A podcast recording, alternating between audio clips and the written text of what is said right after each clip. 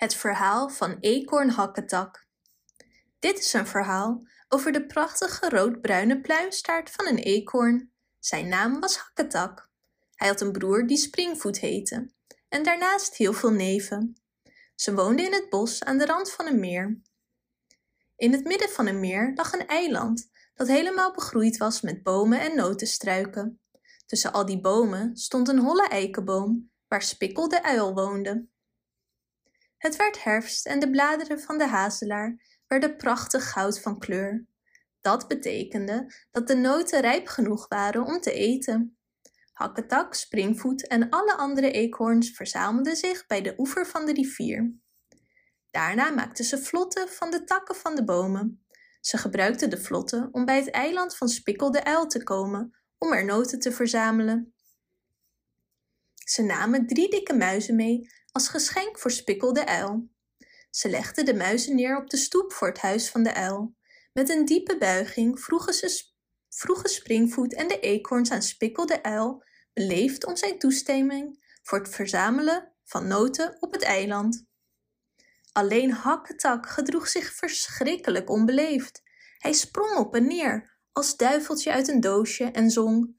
Roodbruin en met een prachtige staart klimt in het boom met grote vaart. Hij is dol op nootjes, het ondeugende dier. Raad nu eens, over wie heb ik het hier?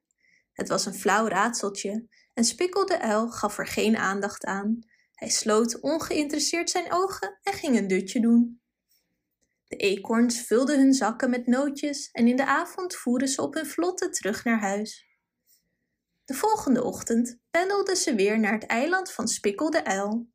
Springvoet en de andere eekhoorns brachten dit keer een dikke mol mee en legden deze voor de deuropening van het huis van de uil. Ze vroegen heel beleefd: Meneer Spikkel de uil, geeft u ons alsjeblieft uw toestemming om nog meer noten te verzamelen? Maar Hakketak gedroeg zich weer net zo brutaal als de dag ervoor. Hij begon dansend heen en weer te springen en had een brandnetel in zijn poot, waarmee hij de slapende oude uil kietelde onder zijn kin.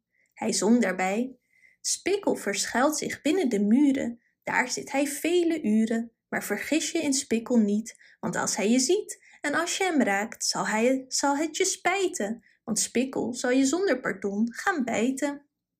Opeens werd Spikkel de uil wakker. Hij pakte de mol op en nam hem zijn huis in om op te eten. Daarna sloeg de uil de deur dicht, vlak voor de neus van de brutale eekhoorn. Even later kringelde een sliertje rook uit de top van de holle eikenboom. Eekhoorn Hakketak gluurde door het sleutelgat en zong: Een huis vol, een hol vol, en je krijgt niet eens een kom vol. De andere eekhoorns zochten over het hele eiland naar nootjes en vulden er hun zakken mee maar Hakketak verzamelde gele en rode eikenappeltjes en ging ermee zitten knikkeren vlak voor het huis van Spikkel de uil. Op de derde dag stonden de eekhoorns heel vroeg op om te gaan vissen. Ze vingen zeven dikke baarzen.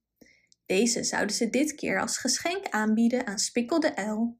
Ze roeiden opnieuw het meer over en gingen aan land bij een knoestige kastanjeboom aan de oever van het eiland. Springvoet en zes andere eekhoorns droegen elk een dikke baars. Maar de ongemanierde hakketak bracht geen enkel geschenk mee. Hij rende voor de anderen uit en zong. De man in het bos liep met me mee en vroeg hoeveel aardbeien groeien er in de zee. Ik antwoordde hem, misschien een beetje stout. En hoeveel haringen groeien er in het woud? Maar Spikkel de uil had geen interesse in raadsels, zelfs niet als het antwoord voor de hand liggend was. Op de vierde dag brachten de eekhoorns een exclusief geschenk mee. Ze hadden zes dikke kevers, allemaal apart verpakt in een esdoornblad en deze bijzondere verpakking vastgespeld met een dennennaald. Maar Hakketak begon even brutaal als alle andere dagen weer te zingen. Oude Spikkel raadt eens mee, meel uit Engeland en uit Spanje een uitje, komen elkaar tegen in een regenbuitje, stop het in een zak met een lintje eromheen, als je raadt waar ik nu over zing, dan geef ik jou een gouden ring. Wat belachelijk was, want Hakketak had niet eens een gouden ring die hij zou kunnen geven. De andere eekhoorns zochten het hele eiland af naar noten, maar Hakketak plukte rozenbottels en stak er dennennaalden in. Op de vijfde dag brachten de eekhoorns honing als geschenk mee voor de uil. Het was zo zoet en kleverig dat ze hun pootjes aflikten nadat ze de honing eerbiedig op de drempel voor het huis van de uil hadden neergelegd. De honing was overigens gestolen uit een hommelnest op de top van een heuvel. Maar Hakketak huppelde op en neer en zong: Heitje, eitje, bijtje, ik ontmoette eens een zwijntje. Deze was helemaal geel en daarvan waren er niet veel, maar het was het allerliefste dier. Daar zijn er niet zoveel meer van hier.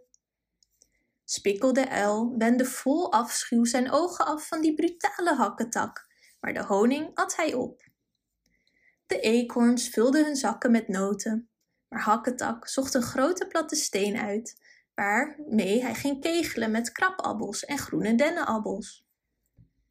Op de zesde dag, een zaterdag, roeiden de eekhoorns voor de laatste keer naar het eiland.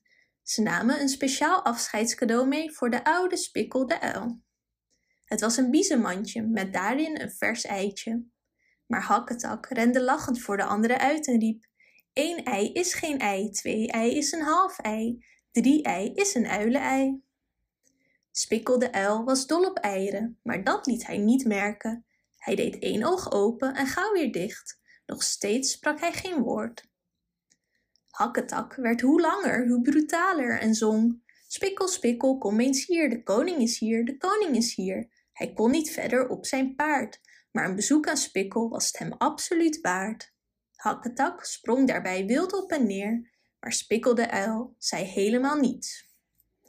Toen begon Hakketak opnieuw. Arthur Oboer was een belangrijk man, zegt men, maar wat vind jij er zelf van? Als hij een wind laat, dan is het een storm, of laat je de erweg, dan is het stom. Hij was nu door het dolle heen en tijdens het zingen nam hij een geweldige sprong recht op het hoofd van Spikkel de uil af.